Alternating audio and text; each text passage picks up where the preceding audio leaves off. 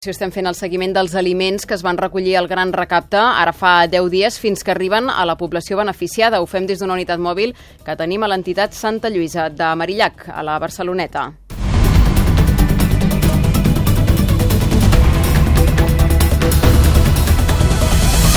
Saludem de nou el José Antonio Rodríguez i la Cesca Armengol. Cesca, bon dia. Hola, bon dia. Doncs ho dèiem en l'anterior connexió. L'obra social de Santa Lluïsa de Marillac atén unes 150 persones cada dia, la majoria sense sostre, que venen a menjar i a dutxar-se. A més, té 34 llits per a persones malaltes sense casa ni família. A més, disposa del servei de repartir menjar als veïns de la Barceloneta que no poden omplir les seves neveres. Distribueix cada dia una vintena de carros plens amb aliments bàsics i necessaris necessaris. Al servei d'alimentació de l'obra social, els beneficiaris que arriben són de totes les races, de totes les edats i d'uns orígens econòmics ben diferents.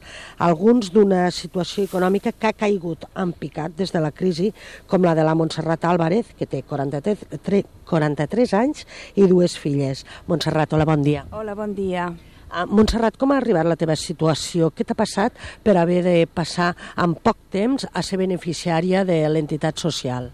Pues mira, fa cosa d'un any, bueno, fa dos anys que estic divorciada per violència de gènere i tenia una petita feina de monitora de menjador i a través dels serveis socials em van enviar aquí els aliments amb l'esperança i vaig començar tot aquest any. I vaig, ara vaig fer un curs eh, de llar d'infants vaig poder entrar a la mateixa escola on estava, al Sagrada Família del carrer Avinyó, i ara amb les retallades hem anat quatre persones al carrer i torno a estar a l'atur. I m'han anat renovant els aliments cada tres mesos. D'acord. Tu ets beneficiària, vens cada setmana aquí? Ara amb la situació actual, perquè t'ho van revisant, eh, eh, venia cada 15 dies i ara vinc cada setmana. Uh, tens família que et pugui ajudar o entenc que, que la teva família ha fet de coixí fins ara?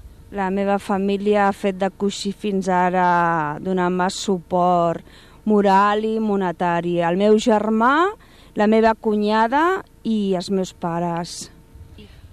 I els veïns, els veïns que vull agrair també, a la, als veïns de la Barceloneta, que s'han volcat molt a la meva situació. Uh, tu hauries imaginat mai, des de uh, que et vas casar, per exemple, uh, que la teva situació uh, arribaria a on està aquests dies?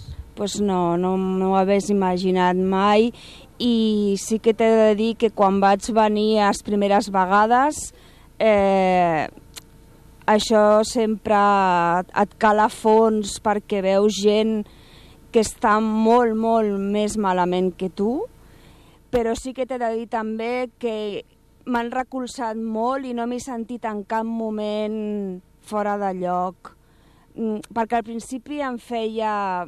Em, em sabia greu demanar perquè pensava que hi havia gent que ho necessitava més, però m'he adonat que la meva situació és aquesta i, i ells m'han apoyat molt. L'esperança, sobretot, que és una persona que, que et dona molts valors i, a part de l'ajut, la, psicològicament és una persona que pots parlar i, i és molt amable.